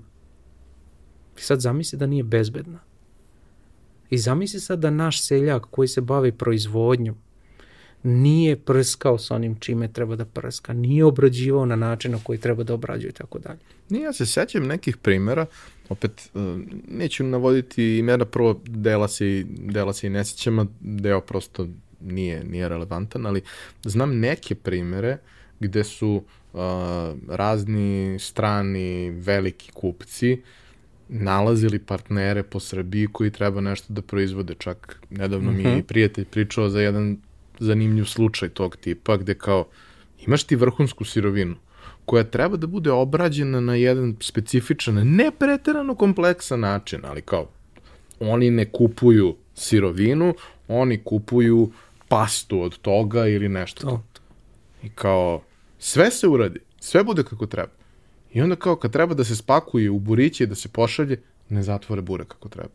I kao, ali, mislim, na, sve, ono, prethodno, ti Da. I kao, znaš, to se par puta desilo i, i to je to. I u drugim nekim industrijama je bilo baš takvih primjera gde, kao, zato što ne postoji kontrola kvaliteta Tako, krajnjeg tako. proizvoda, znaš to, pričali smo Nemci, Nemac uzme i vrati ceo kamion. Mhm. Ne zanima ga. Neće da se bavi time. Ako primeti na jednom, neće da se bavi time sad da on profiltrira šta je dobro, šta nije da ostatak vrati. Zanima ga, vrati sve. Pa ti vidiš šta Da, znaš šta je interesantno isto kod malih proizvođača? Što, što mi stalno se vodimo tom mišlju kao uh, ja sam mali ne mogu ja nikom ništa da vratim. Znaš, a jesi probao? Jesi probao da vratiš? Jesi probao da kažeš, ej, prijatelju, ovo ne odgovara prema onome što sam ja naručio, ja to neću da primim, ja to neću da koristim u mom proizvodu. To je to. Okej, okay Ali kao znaš, i onda se tu postavlja pitanje, ja ću imati propuštenu prodaju, neću imati proizvod na tržištu i tako dalje. E vidi sad još jednu priču. Ti primiš tu sirovinu koja ti ne odgovara, napraviš proizvod koji je dosta niže kvaliteta, nećeš ti imati tada propuštenu prodaju, nego ćeš imati sledeći 15 meseci propuštenu prodaju. Jer neće više da kupuju tvoj proizvod, samo zato što nisi rekao, e, ja neću to da iskoristim čoveče. Znaš, to je, to je neka priča koju mi moramo stvarno da promenimo taj mentalni sklop. Recimo, šta se meni dopada u poslednje vreme? Mnogo mi se dopada što ima uh, pivara koje vode računa stvarno o svojim sastojcima da bi imali vrhunski kvalitet tog piva i destilerije raki koji su podigli taj nivo uh, kvaliteta rakija do, dotle da Znaš, to je sada u rangu viskija. Znaš, mi možemo ozbiljnu svetsku globalnu priču da napravimo od toga. Uh, A, I tu je sad priča jedna o tom kvalitetu, o tome šta, šta ti koristiš kao sirovinu, kakav ti je taj neki tehnološki proces i tako dalje. I ako oni mogu da to urade za rakiju, zašto je, ti ne bi mogao to da uradiš za, ne znam, ono, kulen, znaš, da imaš vrhunski proizvod koji možeš da izvoziš negde, znaš što ne bi mogao da uradiš za, za keks, za krem, za, za šta god hoćeš. Znači, postoje primjeri u Srbiji, nego mi uvek pričamo o nekim najgorim ono, primjerima, znaš. A ne pričamo o tome da, ono, srpska malina se služi u najfinijim restoranima u Parizu, znaš. I ne samo malina. Pa ne samo Generalno malina, ali, ovde, znaš. što se tiče sirovina, svašta nešto stvarno jako kvalitetno može da se nađe. Ali vrlo često bude taj problem na drugom koraku koji je uh, pravljenje proizvoda ili poluproizvoda makar od toga. Najčešće to bude ono, ti prodaš sirovinu za evro po kilogramu, neko je obradi i prodaje za 10, a onda je neko spakuje i prodaje To. za 30. To. E što, jasno je da mi Jest. možda ne možemo da budemo ti koji prodaju spakovano za 30, ali možemo bar da budemo češće oni koji prodaju za 10. Tako je. Ovaj, Vidi, i sad nam kažu, još jedna problematika u cijeloj priči, evo pomenuo si to zatvaranje bureta i tako dalje, onda poredimo to sa Nemačkom i tako dalje, znaš. Pa znaš šta je tu problematika? Problematika je što onaj koji treba da zatvori to bure radi u Nemačkoj, zatvara bure. Znaš, imamo ozbiljan problem sa fluktuacijom e, ljudi zaposlenih. Znaš, naravno i preduzetnici su napravili tokom prethodnih godina malo tu problematiku i država i generalno normalne migracije koje postoje inače u svetu. Ali šta se desilo onda, znaš, ti ako imaš stalne fluktuacije, da tebi odlaze, dolaze novi ljudi, ti čoveče ne možeš da imaš a, kvalitet i bezbednost proizvoda uvek zagarantovan, znaš. Da bi to imao, ljudi zaborave na vrlo važan aspekt bezbednosti hrane između ostalog, a to su obuke. Znaš, ja sam u jednom od vlogova pričao o, o obukama 6 minuta 6 dinara. Toliko te košta obuka po zaposlenom. 6 minuta i 6 dinara. Toliko je dovoljno. Razumeš da imaš obučenog zaposlenog. Kaže da se negde procenat uh, da kažem, uspešnosti zaposlenog u eto, zatvaranju bureta povećava za 75%. Biće uspešan 75% ako u toku godine imaš 10 sati obuke za tog zaposlenog. Čo, vidi, 10 sati je ništa. Danas 15 minuta, preko sutra 1 sat, sledećeg meseca 1 sat. Znači 10 sati u, u potrebi za tog zaposlenog i obuči ga. Ali moraš i da napraviš obuke, znaš, mislim, vraćam se na taj McDonald's, tamo rade različiti ljudi, različitih nivoa obrazovanja, različitih kultura. I proizvod je uvek isti. A zašto? I bezbednost je uvek ista. A zašto? Zato što on ima set obuka koji je brz, kratak, jednostavan, svoju proizvodnju je napravio tako da, da bude laka za shvatanje i to je to. To je suština, kada imaš visoke fluktuacije, moraš da imaš ekstra dobre obuke i brze obuke, da nove ljude koji ti dolaze odmah ubaciš ono u, u, u šemu u stvari rada, da oni znaju šta je kako, znaš. Ok, automatizacija, ali automatizacija ne može da ide do, do ne znam koje granice, dalje moraš imati ljude, znaš. Trenutno. Pa dobro, mislim, ja sam robotičar po struci, pa razmišljam u smeru da možda bi bilo lepo kad bi malo više eliminisali ljude ovaj, iz, iz, iz proizvodnih procesa. Šalim se, naravno. A, volao bih, uh, pošto se i time baviš, uh, a, a to je zapravo prilično redko i o tome se vrlo malo priča ovde, da se dotaknemo malo i novih trendova Mm. koji postoje ovaj, koji su sada nedostižni i tako dalje, ali prosto nije loše da ljudi imaju svest o tome da oni postoje i šta oni sa sobom donose. Vidi, jedan, evo sad sam se naježio, znači proizvod koji postoji u Srbiji, a ne znam da, da li ako si gledao vlogove, pa možda si je video, zove se Teslagram. Da. To je proizvod koji ja mislim da možda promeni u svetu mnogo stvari. Uh, posebno u oblasti bezbednosti hrane. Ja sam tamo pričao sa, sa Marijom koja je sa njihovog ovaj, sa instituta za fiziku i mi smo pričali o aspektu bezbednosti hrane, odnosno tih prevara sa hranom. Zašto taj Teslagram? Pa iz tog razloga što su to čestice sa krila leptira koje svako ima svoj neki digital, nazovimo, može da ima svoj neki digitalni otisak, pravi ga priroda, ne može da se falsifikuje i tako dalje. I šta je ideja? Znači, negde u budućnosti da ti sada, na primjer, imaš med koji je geografsko poreklo iz Srbije, ubaciš taj ovaj, uh, tu česticu ubaciš u med, mogu ljudi da svare tu česticu, ona nema ukus ništa organskog je porekla, ali je stvar u tome da možeš da je očitaš i očitaš teglicu sa mobilnim telefonom i ona kaže to ti je med koji potiče, ne znam, ono, iz Lazarevca i tako dalje. Znaš, znači to, to menja koncept svega. Mi smo do sada prevare sa hranom i te oznake geografskog porekla vodili tako što imamo neke QR kodove, imamo neke, uh, lepili smo neke oznake ili smo pravili uh, ambalažu takvu da ne može neko da je kao falsifikuje. Znaš, Samo daj vremena. ali to je ambalaža, a sadržaj unutra, znaš kao, ok, ali to je etiketa, to je, a šta je sa sadržajem unutra? A ovo, ovo totalno menja koncept, znaš. To je recimo eto Teslagram koji ja mislim da to, to će da promeni koncept svega, znaš.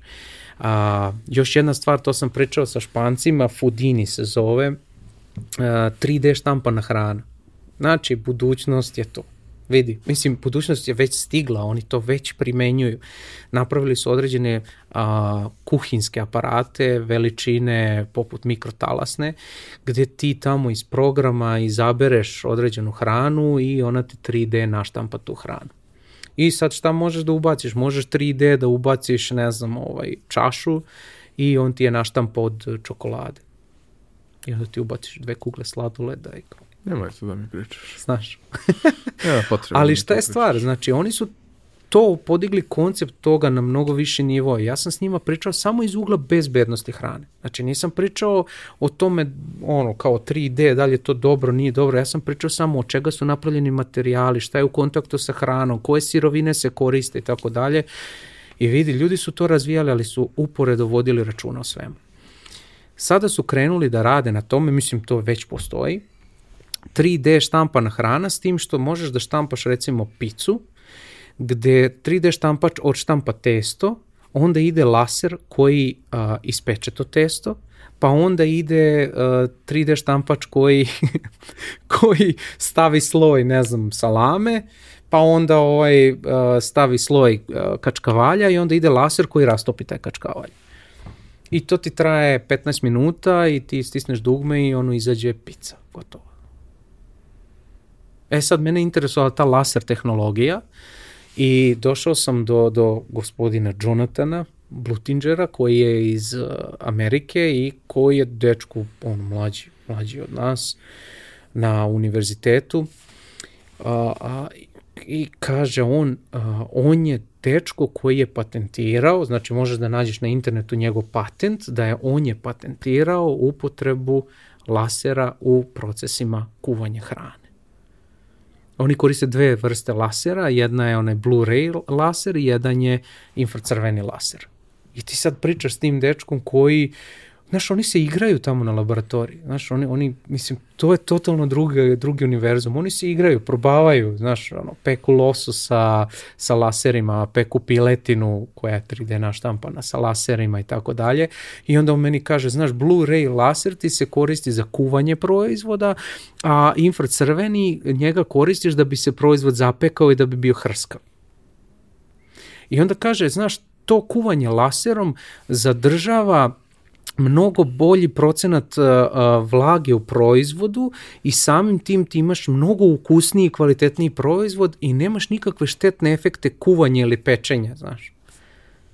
Znači oni toku razvoja, ja pitam, dobro reci mi temperature, mikrobiologije i tako dalje. Kažu, da, da, da, postavili smo infracrvenu kameru koja meri temperaturu prilikom uh, laserske obrade. ja kao, okej. Okay. Ja, to su ti ovaj, ljudi Znaš. koji imaju viška slobodnog vremena i gomilu gadžeta s kojima mogu da se igraju. Gomile gadžeta, da. I mislim, prave oni svašta u toj laboratoriji, ali evo, znači to su ti neki trendovi u, u industriji hrane koji će doći za jedno šest godina, znaš.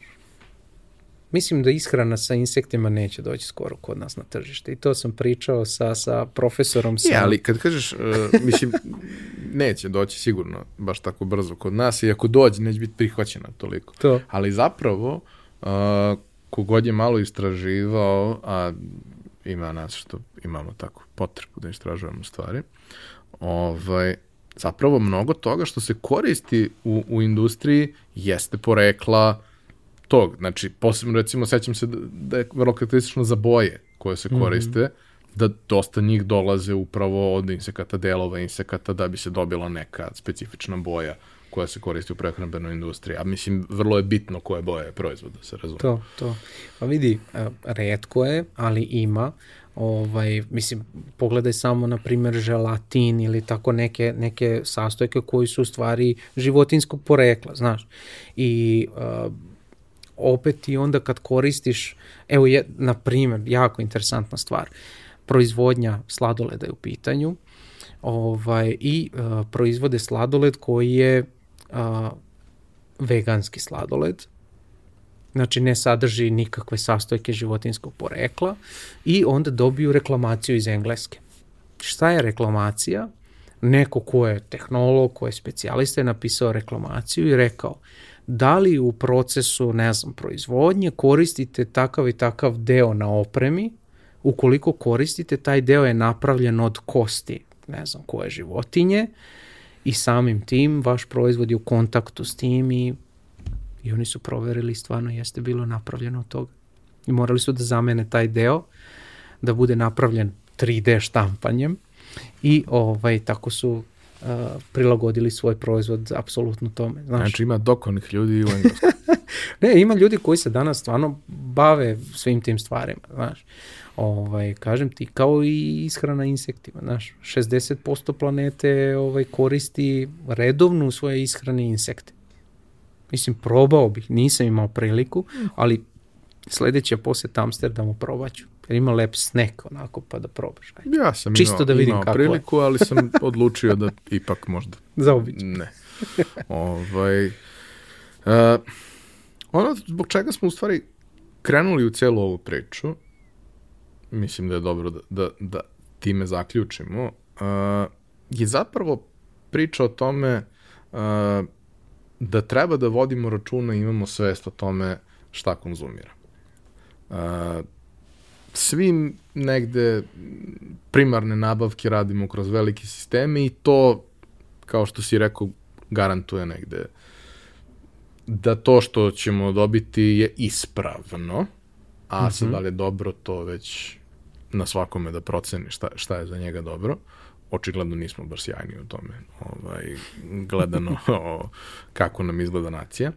Ovaj, ali e, sve više se vraćamo ka tome da e, nije loše raditi nabavki od malih proizvođača, da eto postoje neki sjajni ljudi koji prave neke stvari. To sve je lepo i to je jedan možda jedan od lepših trendova koji su došli sa ovom prokletom koronom.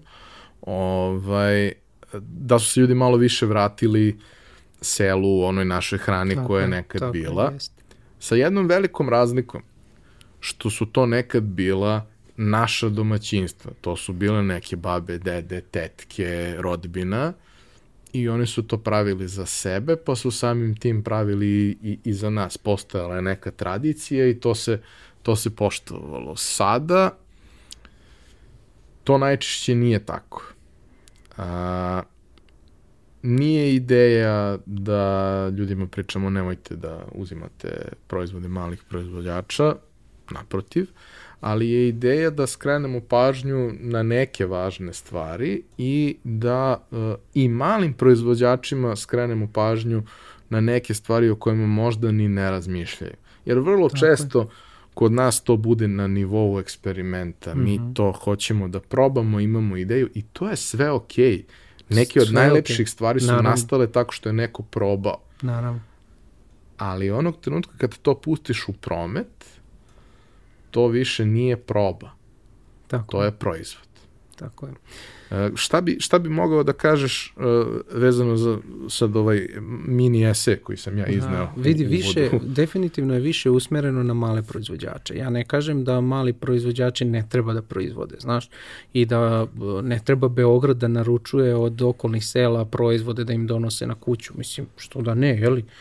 ali ti si pomenuo kao mi smo ranije imali domaćinstvo pa smo naručivali od naše bake ili tako nešto, znaš, ali ti kad se malo otruješ od bake, ti kažeš bake, bako, malo sam se otruvao. Baka kaže, dobro, proći će. I ti joj ne zameriš, znaš. A kad se otruješ od nekog... Od nečije tuđe bake. Neke tuđe bake, znaš, i to si papreno platio, znaš, to je već problematika. Dakle, nije usmjereno na ljude ono kao naručujte, naravno da treba da naručujete i da podržavate naše proizvođače male, ali vodite računa. Što se tiče malih proizvođača, moraju da promene koncept u glavi.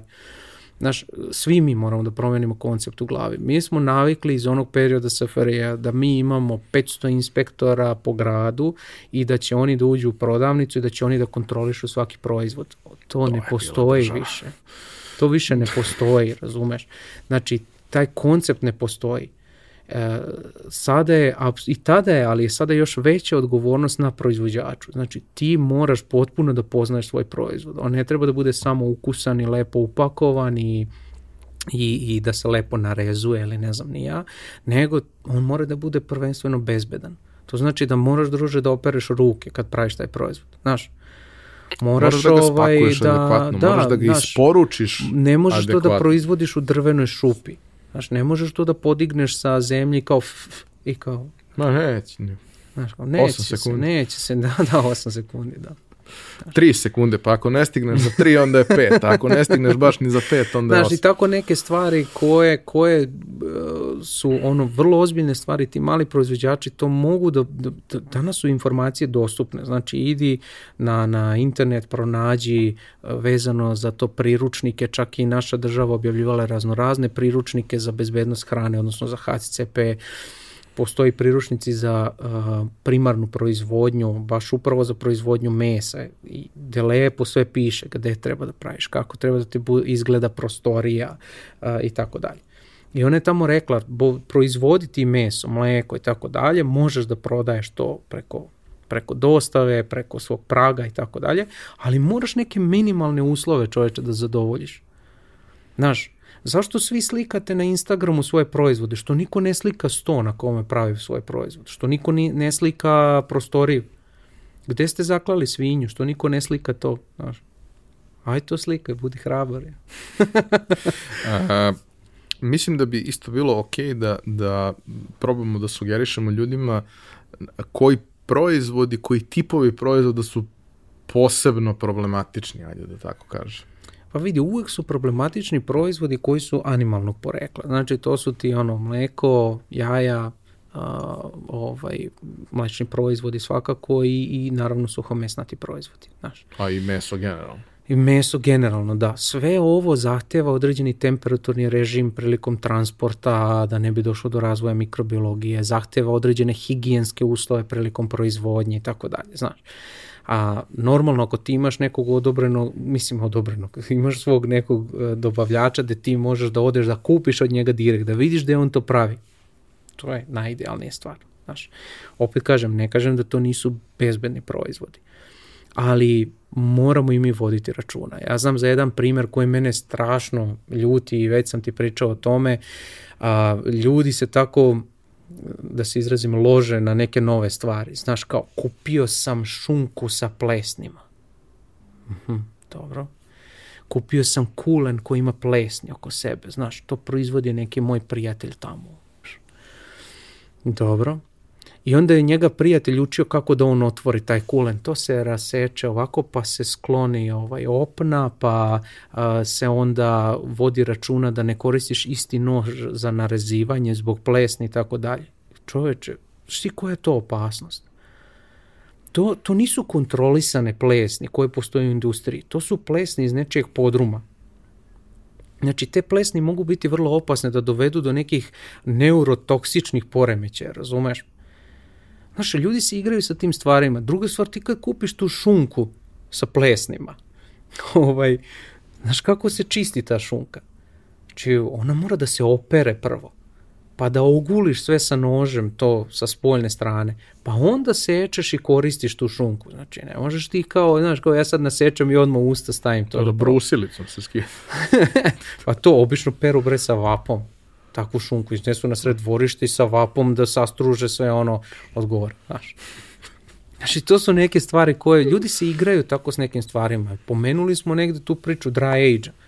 Mislim, ljudi, Znaš, to nije igrarija. Ako Ima to kume. zaista, naravno, postoje restorani, postoje proizvođači koji to rade godinama i koji znaju kako se to radi. To su kontrolisani uslovi vlage, temperature, higijene i tako dalje, da ti imaš sazrevanje mesa koje će posle biti vrhunski komad kad ga ono ispečeš ili pripremiš. Ali to sada ti radi neko kao, ja imam age tamo pored ovaj, pušnice, ja to napolju. Šta napolju? Znaš, to su igrarije koje su ozbiljna stvar. Ozbiljna stvar. Dobro, znači sa, sa hranom se ne treba šaliti. Nikako. A, nismo imali previše problema sa majstorima, tako da mislim da smo okej. Okay. ovaj, čuje se malo, izvinite zbog toga, ali prosto e, ja ne znam šta je, ovaj, priroda se budi. Utisak kao da smo u industriji, znaš, rade mašine neke. ovaj, a, hvala ti što si, što si podelio priču. A, ljudi, sve što mi je interesantno dodatno možete da pronađete i, i na Vladimirovom uh, YouTube-u i na sajtu i na njegovom LinkedInu. Prosto pratite te stvari, može da bude vrlo interesantno, a mi ćemo ostati u kontaktu, nastavit ćemo da, da radimo neke zanimljive stvari, jer sad kad shvatam da zna sve te neke divne ljude sa divnim proizvodnjama, ja bih baš išao da vidim to i da fotkamo i da napravimo neke to zanimljive priče. Stvar, da. da prosto radimo ono što, što smo radili i, i u prethodnom periodu. Ima ta jedan jedan od najboljih slogana koji postoji za, neku, za, za neki proizvod koji koji nije proizvod, nego je proizvod koji služi za distribu, ono, prodaju mm -hmm. distribuciju proizvoda, a to je za tetrapak. Čuva što je dobro. Da. Znaš, kao, e to, mi hoćemo da promovišemo pozitivne primere, mi hoćemo da, da, da ljudi mogu da vide da može i ovako i da zapravo kao možeš da budeš odgovoran, profesionalan i da nešto radiš fantastično i da za to postoji tržište. I da ako si kupac, i to košta malo više, bez obzira koliko smo svi sada osetljivi na, na financije, znaš zašto te košta više. I kad znaš zašto, onda ako možeš si ispravan da platiš. Jeste, tako je. Hvala ti još jednom što si bio. Hvala te. Hvala našim dragim prijateljima iz Epsona što nas podržavaju. Hvala vama što ste nas slušali i gledali kao i da sad sve svoje komentare, predloge, sugestije ovaj, ostavite na, za to predviđenim mestima na, na društvenim mrežama i na YouTube-u, a mi se čujemo i vidimo sledeće nedelje.